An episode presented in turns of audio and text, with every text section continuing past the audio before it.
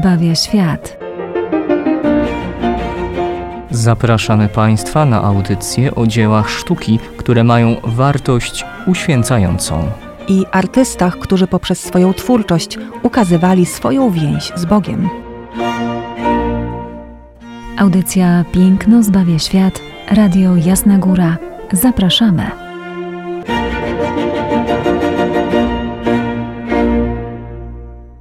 Witamy Państwa serdecznie w kolejnej audycji Piękno zbawia świat, w której to rozmawiać będziemy nieco więcej o rzeczywistości, jaką jest życie konsekrowane. W minionym tygodniu przeżywaliśmy e, święto ofiarowania pańskiego, e, jednocześnie Dzień Życia Konsekrowanego. E, stąd też wybór naszego dzieła sztuki, które padło na XV-wieczny obraz jakim jest Virgo Inter Virgines, niderlandzkie malarstwo tablicowe, nieznanego autora, ale jak słyszymy, obraz pochodzi z północy, z Niderlandów. Szczęść Boże, Izabela Banaszewska.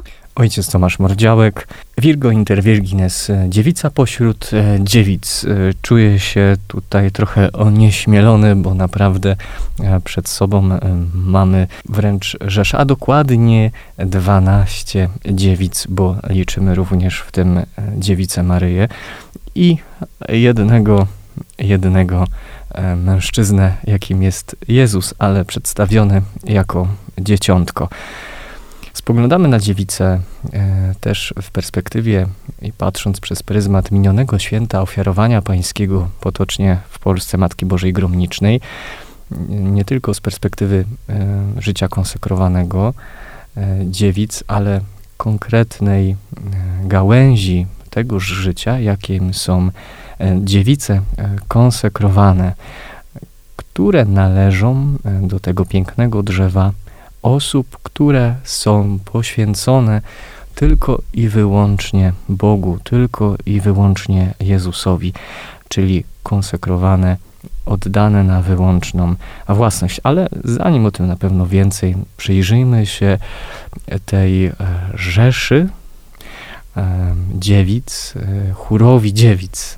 Tak też często e, liturgia przedstawia, gdy wspominamy jakąkolwiek dziewicę, czy ogólnie w tekstach liturgicznych, że chór dziewic wysławia e, Ciebie, Panie. Mamy 12 postaci. Omówić każdą z nich z osobna byłoby dla nas trudno, bo za każdą jest konkretna historia, legenda, ten zarys życia, który doprowadził je do tego e, wspaniałego momentu, że możemy je nazywać e, świętymi. Każda z nich zachowała dziewictwo, prawie wszystkie poniosły śmierć męczeńską. Zatem e, z kim mamy do czynienia? Kto jest na naszym obrazie? Zacznijmy może od środka, czyli na tle panoramy jakiegoś niewielkiego miasteczka została nam tutaj wymalowana ta grupa 13 e, postaci, 12 dziewic, z których to najważniejsza i e, znajduje się na naczelnym miejscu, na środku obrazu jest Maryja Panna z dzieciątkiem Jezus na ręku. Wokół zgromadzonych zostało 11 dziewic, przedstawionych tutaj jako przepiękne młode kobiety. Kiedy spoglądamy tak pierwszy raz na ten obraz, to możemy powiedzieć, że zostały tutaj wymalowane młode bohaterki. Bo e, takie też były, takie też było ich życie. Kiedy zaglądamy do tych żywotów, o których ojciec wspomniał, to widzimy, że poniosły ofiarę w wielu przypadkach właśnie tej swojej supermocy, jaką to była wiara, mocna, niezachwiana i ogromna ufność wobec Chrystusa. Więc dla Chrystusa, dla Kościoła, dla wiary katolickiej poniosły śmierć i męczeństwo. Żeby je zidentyfikować, oczywiście tutaj w obrazie artyści e, używali, bo jest to obraz niderlandzki, mówiłam już o tym, że mm, obraz anonimowy, najczęściej malarze północy nie podpisywali się na swoich obrazach. Jest to też równocześnie bardzo typowy obraz dla tego regionu. Każda z tych kobiet, które zostały tutaj przedstawione, aby ją w łatwiejszy sposób zidentyfikować, została przedstawiona właśnie ze swoim atrybutem Czym są atrybuty? No e, cóż, trzeba by powiedzieć tutaj również i e, mówiąc o atrybutach, o ikonografii chrześcijańskiej. Ikonografia to taki zapis szczegółów i symboli w obrazie, które to pomagają właśnie w interpretacji dzieła sztuki. A zatem atrybut to rzecz, która określa albo cechy danej osoby, albo jest to rzecz, która mówi o jej męczeńskiej śmierci, czyli będzie to przedmiot, którym była torturowana, męczona e, dana osoba, albo też określa, jak w przypadku świętej Agnieszki, jej cechy charakteru.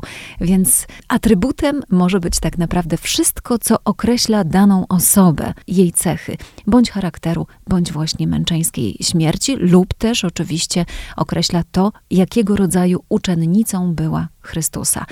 No i mamy tutaj, zaczniemy ojcze od lewej czy od prawej? Idziemy lewo, bez skojarzeń politycznych, bardzo proszę. Dobrze, a zatem po prawej stronie Matki Bożej, czyli z lewej strony naszego obrazu, najpierw mamy świętą Katarzynę Aleksandryjską. Skąd o tym wiemy, że to Katarzyna? Ponieważ ma na sobie taką specyficzną kapę. Jest to drogocenna tkanina, wzorzyście, przepięknie zdobiona, ale motywem zdobienia jest koło. A wiemy właśnie z żywotów świętej Katarzyny Aleksandryjskiej, że koło to był przedmiot, którym ją torturowano, była łamana właśnie kołem.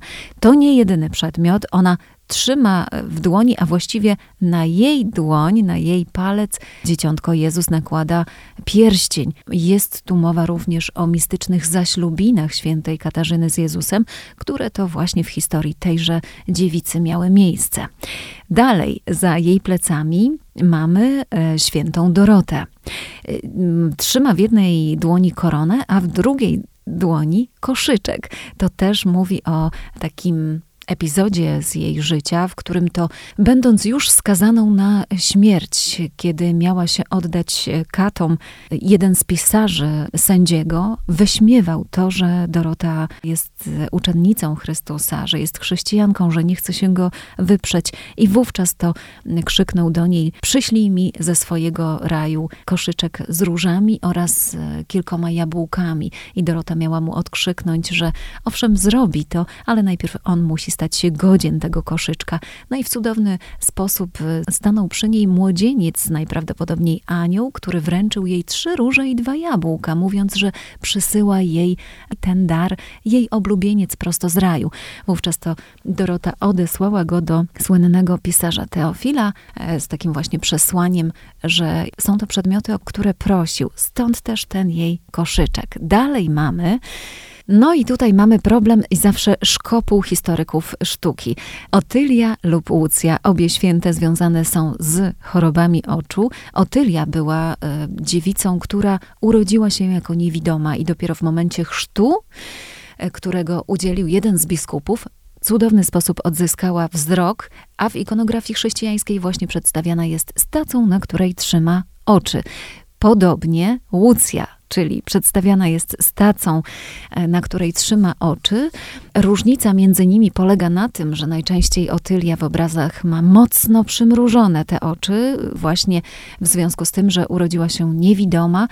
A Łucja straciła swoje oczy, ponieważ dała je sobie wyłupić. Miała je bardzo piękne i przyciągała uwagę mężczyzn. Stąd też no, pokusiła się o okaleczenie się, o, o to, aby pozbyć się tych swoich oczu. W każdym razie jedna i druga przedstawiane są właśnie w taki sposób. To ogromny szkopuł, dlatego mówimy tutaj o jednej i drugiej. Być może jest to Łucja. Przy Łucji trzeba dodać o jej mhm. heroiczności. Wyłupienie oczu było związane z tym, że była oddana do domu publicznego, gdzie zachowała mimo wszystko dziewictwo mhm. i to wyłupienie oczu było po to, aby mężczyźni się nią nie interesowali. nie interesowali. Dokładnie tak. Dalej mamy świętą Apolonię. Biedna kobieta, ze względu na to, że męczennica wycierpiała od pogan, którzy to no, zmiażdżyli jej e, szczękę, zęby, po prostu dlatego e, jest patronką akurat właśnie jeśli chodzi o wszystkich dentystów, jest przedstawiana e, z obcęgami, które no, wtedy no, były tym narzędziem dentystycznym. Jednocześnie to też jest męczennica, gdyż rozpalili dla niej stos i ona sama dobrowolnie, nie wyrzekając się wiary w Chrystusa, na ten stos wstąpiła. Dalej mamy Urszulę. Urszula słynna w, w, czasach średniowiecznych również i w Polsce. Jej wezwaniu poświęconych jest kilka średniowiecznych kościołów w naszej ojczyźnie. No tutaj mamy mm, historię, która mówi nam o e, księżniczce, która miała być zaślubiona wodzowi Hunów. Oczywiście Urszula jako wyznawczyni Chrystusa nie chciała się na to zgodzić została przeszyta strzałą, a wraz z nią jej towarzyszki. Tutaj w obrazie mamy jeszcze jedną jej towarzyszkę. Będzie to święta Kunera, która także jest przedstawiona ze strzałą, ale znajduje się już po drugiej stronie obrazu. No i jest klęcząca przed Jezusem Maria Magdalena, oczywiście również ze swoim, ze swoim atrybutem. Jej atrybutem zazwyczaj jest również i szkarłatna czerwona szata. Ona tutaj ma pod spodem taką czerwoną suknię, na to ma narzucony niebieski płaszcz, który już mówi o jej nawróceniu, o tym, że Chrystus przywrócił jej czystość, ale również i ale również opasana jest taką e, czerwoną chustą. W jej rękach wonności, którymi miała namaścić Chrystusa. W poranku zmartwychwstania apostołka apostołów. Następnie patrząc dalej przez e, centrum na Matkę Bożą, już kierujemy się my patrząc na prawą stronę obrazu, a E, trzymającą za rękę dzieciątko Jezus, e, mamy świętą Barbarę, która wywodząc się z pogańskiej rodziny, nawróciła się na chrześcijaństwo. Ojciec, dowiadując się o tym, zamknął ją w wieży, chcąc oczywiście, aby wyrzekła się Chrystusa. Tam również zginęła, ale przed też śmiercią ukazał jej się anioł, który trzymał kielich wraz z hostią. Święta Barbara bardzo e, popularna, na pewno jeśli chodzi o Polskę, szczególnie o południe dla wszystkich e, górników. Ja sam pamiętam z kościoła mojego parafialnego ołtarz e, świętej Barbary. Natomiast to, co ją charakteryzuje w obrazie, to to, że w płaszczu, który posiada, mamy właśnie obrazy wież. Motyw wieży, mhm, takiej średniowiecznej, warownej wieży. I również ona otrzymuje od e, dzieciątka Jezus obrączkę mówiącą o tych mistycznych zaślubinach. Obok świętej Barbary mamy świętą Małgorzatę, tą, która miała zostać e, pożarta przez e, smoka. Skąd wiemy, że to święta Małgorzata? Otóż zaraz bezpośrednio e, za nią widzimy właśnie obraz, w którym to święty Jerzy mierzy się ze smokiem. Oczywiście wynik walki jest nam wiadomy i wiemy, kto e, tutaj przegra. Małgorzata była uwięziona i właśnie w celi miał jej się ukazywać smok, który to miał ją pożreć. Na obrazach jest bardzo często identyfikowana poprzez e, towarzyszącego jej świętego Jerzego, który atakuje smoka. To również e, dziewica, która nie chciała się wyrzec wiary w Chrystusa, przez co została oczywiście niejednokrotnie torturowana. E, zresztą wiele z nich, o których tutaj mówimy, również i święta Agata, która znajduje się za plecami Małgorzaty, a w ręku trzyma obcęgi, a w nich pierś często mylona z bułką. Nie są to bułki, są to piersi świętej Agaty. Ona właśnie w taki sposób była torturowana, męczona. Bardzo często te dziewice, o których tutaj e, mówimy, o nich jako o młodych bohaterkach, które posiadały takie niezwykłe supermoce. Otóż okazywało się, że dzięki swojej wierze e, za każdym razem przy torturach w cudowny sposób zostały osłonięte boską interwencją. Pojawiał się anioł, który osłaniał. Przez moc Bożą osłonięte i te tortury nie sprawiały im e, żadnego cierpienia. No i w wyniku tego większość z nich musiała e, ponieść śmierć, e, będąc ściętymi mieczem po prostu. Większość z nich rzeczywiście tutaj została mieczem ścięta Gdyż wszystkie inne tortury nie przynosiły im żadnego bólu, żadnego cierpienia. No, Agata, o której e, teraz mówię, właśnie trzyma e, również w obcęgach piersi, które to zostały jej wyrwane tymi obcęgami. Obok niej święta Kunera ze strzałą w ręku, była to towarzyszka świętej Urszuli, ona także strzałą została przeszyta, choć e, od tej strzały nie poniosła śmierci, została uduszona przez żonę króla, który uratował ją, nie zginęła od tego ataku Hunów, w którym to zginęła święta Urszula. No i mamy siedzącą na trawie, na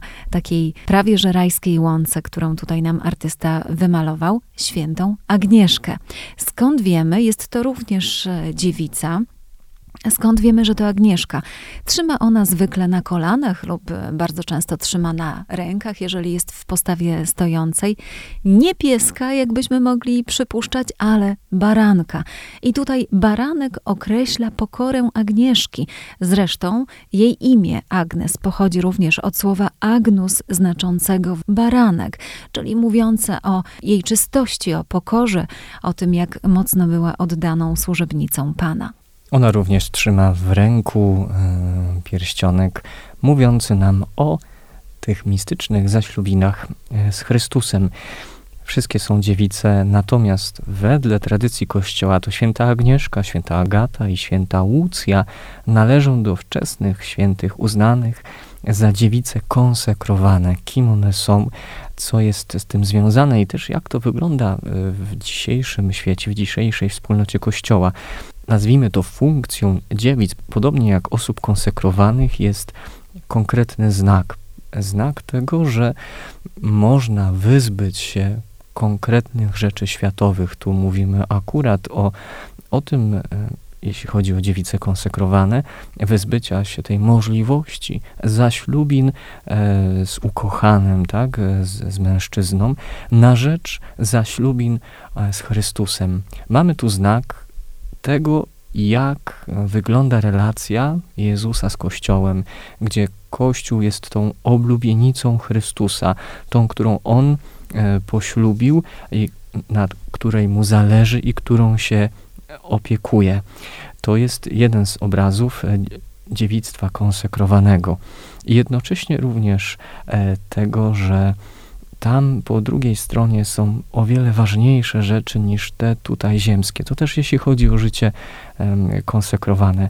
Ma nam przypominać, widząc zakonnika, zakonnice, dziewice konsekrowane, że właśnie jest coś więcej. One również przypominały to, że nie ma już Żyda ani poganina, nie ma już niewolnika ani człowieka wolnego, nie ma już mężczyzny ani kobiety. Wszyscy bowiem jesteśmy kimś jednym w Chrystusie Jezusie, jak pisał święty Paweł w liście do Galatów. Jest to rzecz jednak związana, wyśmiewana, zresztą życie konsekrowane, a tym bardziej konsekrowane dziewice, które postanawiają, będąc w jakiś sposób w świecie, dalej pracując, nawet dalej będąc e, wśród swoich rodzin, jednak żyć w tej czystości, deklarować się, że zachowają czystość, a jedynym ich oblubieńcem, e, jedyną ich miłością ma być e, Jezus. Gdzieś mniej więcej, prawdopodobnie do chyba X wieku, zanikało w kościele ta instytucja dziewic konsekrowanych powróciła ona po Soborze Watykańskim II i obecnie szacuje się, że na świecie mamy około 5 tysięcy dziewic konsekrowanych, które większość żyje w Europie, w Stanach Zjednoczonych i Ameryce Południowej. W Polsce mamy ich aż 360. Warto gdzieś e, o tym wiedzieć. Wiedzieć, że taka forma życia istnieje, e, bo kto wie, może samo dowiedzenie się o tym jest jakąś drogą e, dla nas, czy podpowiedzenia innym, że może do tego w jakiś sposób Bóg e, powołuje i pociąga. Też nieraz same dziewice konsekrowane później wstępują na drogę e, życia konsekrowanego już radami ewangelicznymi, czyli do samego dziewictwa, czyli ślubu czystości, dochodzi również ślub ubóstwa, jak i również posłuszeństwa. Spójrzmy jeszcze na krajobraz, w jakim to zostały te nasze młode bohaterki przedstawione. Otóż jest to panorama miejska e, z ciągnącą się gdzieś w głębi rzeką. Ta rzeka oczywiście będzie nam mówić o czystości. Ona znajduje się i po jednej, i po drugiej stronie obrazu, bo mamy tutaj wszakże same dziewice. I jakie zostały tutaj e, przedstawione rośliny? No najpierw zacznijmy może od winorośli, które to oczywiście będzie zawsze symbolem przelanej przez Chrystusa krwi ale są tutaj także róże. Róża ma głęboką bardzo symbolikę. Oczywiście w odniesieniu do Chrystusa e, wiemy, że mówi o jego ranach i przelanej krwi jako krzew posiadający kolce, ale w odniesieniu do Maryi będzie już mówił o dziewictwie. Podobnie jeśli chodzi o nasze dziewice, będzie to symbol piękna, dziewictwa, poufności i tajemnicy. E, mamy tu również krzew oliwny. No, krzew oliwny w, w obrazie, oczywiście jego znaczenie także jest bardzo głębokie. Wspominamy tutaj o namaszczeniu, o wybraństwie pewnym, o namaszczeniu poprzez Ducha Świętego konkretnych postaci w życiu Kościoła. No tutaj tymi postaciami są właśnie dziewice, ale pamiętajmy również i o e, Oliwie, która była potrzebna pannom nieroztropnym. Tutaj e, oliwki w obrazie, e, krzew oliwny mówi, że zostały wymalowane same panny mądre, prawda? Mamy tutaj bardzo jasną konotację, jeśli chodzi o przypowieść biblijną.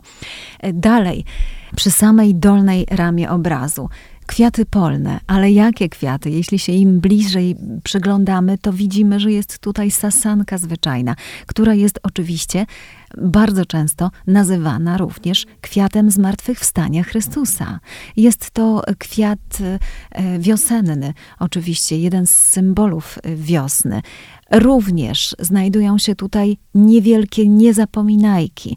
Niezapominajka to też bardzo ciekawy, mały kwiatek, ale ma wiele do przekazania i je należy tutaj bardzo mocno odnieść do naszych męczennic, do, e, do dziewic, bo jest to oczywiście kwiat bardzo delikatny, niewielki, drobny, ale jako, że rośnie na ubogich glebach, jest kwiatem bardzo wytrzymałym i odpornym. No i to w sposób bardzo bezpośredni można odnieść właśnie do tortur, do męczeństwa, jakie przechodziły te kobiety, zachowując oczywiście wiarę w Chrystusa i przy tym swoje dziewictwo. Dalej znajdują się tutaj również i byliny. Jest ich tu wiele w obrazie, jest ich kilka odmian. Są to roślinki, które nigdy nie drewnieją, których łodygi nigdy nie drewnieją, które także są symbolem zmartwychwstania, ponieważ ich listki odradzają się zawsze z pierwszymi symptomami wiosny.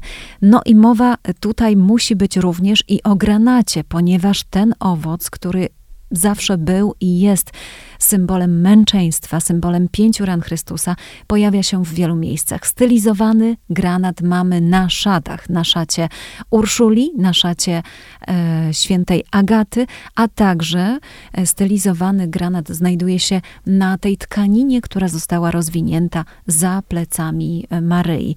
E, to bardzo ciekawe, ale właśnie malarstwo niderlandzkie możemy w taki łatwy sposób rozpoznawać również i po tym, że zwykle postacie święte świętych e, Maryi, ale i e, właśnie świętych dziewic, świętych męczennic czy męczenników, odziane są w takie tekstylia bardzo mocno wzorzyste. Właśnie z wytwórczości takich tekstyliów e, słynęły państwa niderlandzkie. Pamiętamy, że był to taki region, w którym to dzięki pojawieniu się wczesnego kapitalizmu, takich właśnie małych warsztacików e, tkackich, e, do władzy, ale nie tylko do władzy politycznej, także i do tego mecenatu, bo on tutaj będzie dla nas bardzo ważny, dochodziło nie tylko ze strony duchowieństwa i kościoła, ale był, był to e, mecenat artystyczny dworu, patrycjatu i właśnie tych wszystkich bogatych mieszczan. E, dlatego też e, nasi święci zwykle byli przedstawiani albo we wnętrzach XV-wiecznych domów, albo na tle krajobrazu, jakiegoś pejzażu ukazującego właśnie w taki fantastyczny sposób e, idealny obraz, a to raju, a to właśnie takiego idealnego miasta. No tutaj mamy właśnie taką idealną krainę górzystą, która została nam przedstawiona przez niderlandzkiego jako artysta. Niezwykle wymowny obraz, bardzo symboliczny i bardzo głęboki. No i tutaj właśnie po raz kolejny dochodzimy do ikonografii, którą na początku XIX roku tak mocno rozwinął Erwin Panowski, naukowiec, historyk sztuki, który to rozszerzył ją również i o ikonologię, jak gdyby wprowadzając również i w obraz alegorię. Tutaj ten obraz, na który spoglądamy, nie jest obrazem alegorycznym, dlatego nie będziemy się w to dziś zagłębiać, natomiast zawiera, jak Państwo słyszeli, mnóstwo szczegółów, a przede wszystkim atrybutów ikonograficznych, po których to rozpoznajemy główne bohaterki dzisiejszego obrazu. Dziewica pośród dziewic. Oczywiście Maryja jako przewodniczka, jako wzór do naśladowania w dziewictwie i wszystkie dziewice przedstawione na obrazie skierowane ku Maryi, oczywiście Jezusowi, dla nas niech będą też przykładem dziewictwa, jakiego przede wszystkim tego, o którym mówi e, Pismo Święte, tego, aby tylko Chrystusowi być poświęconym, tylko ku Niemu się zwracać. O Stary Testament często mówiąc o cudzołóstwie, czyli o tej zdradzie, mówił e, na tej zasadzie, że to ku obcym Bogom e, zwrócenie swojego serca, e, modlitw, swojej krwi, czyli życia, a nie ku Bogu jedynemu. Tego e, serdecznie Wam życzymy, drodzy radiosłuchacze, dziewictwa duchowego w Jezusie Chrystusie, a przykład dziewic z obrazu dzisiejszego i tych, które przecież są na ziemi, kroczą wśród nas, niech pomaga nam to osiągać. No i oczywiście duchowego piękna, jakie także miały w sobie bohaterki dzisiejszego obrazu. Dziękujemy za dzisiejsze spotkanie. Do usłyszenia za tydzień.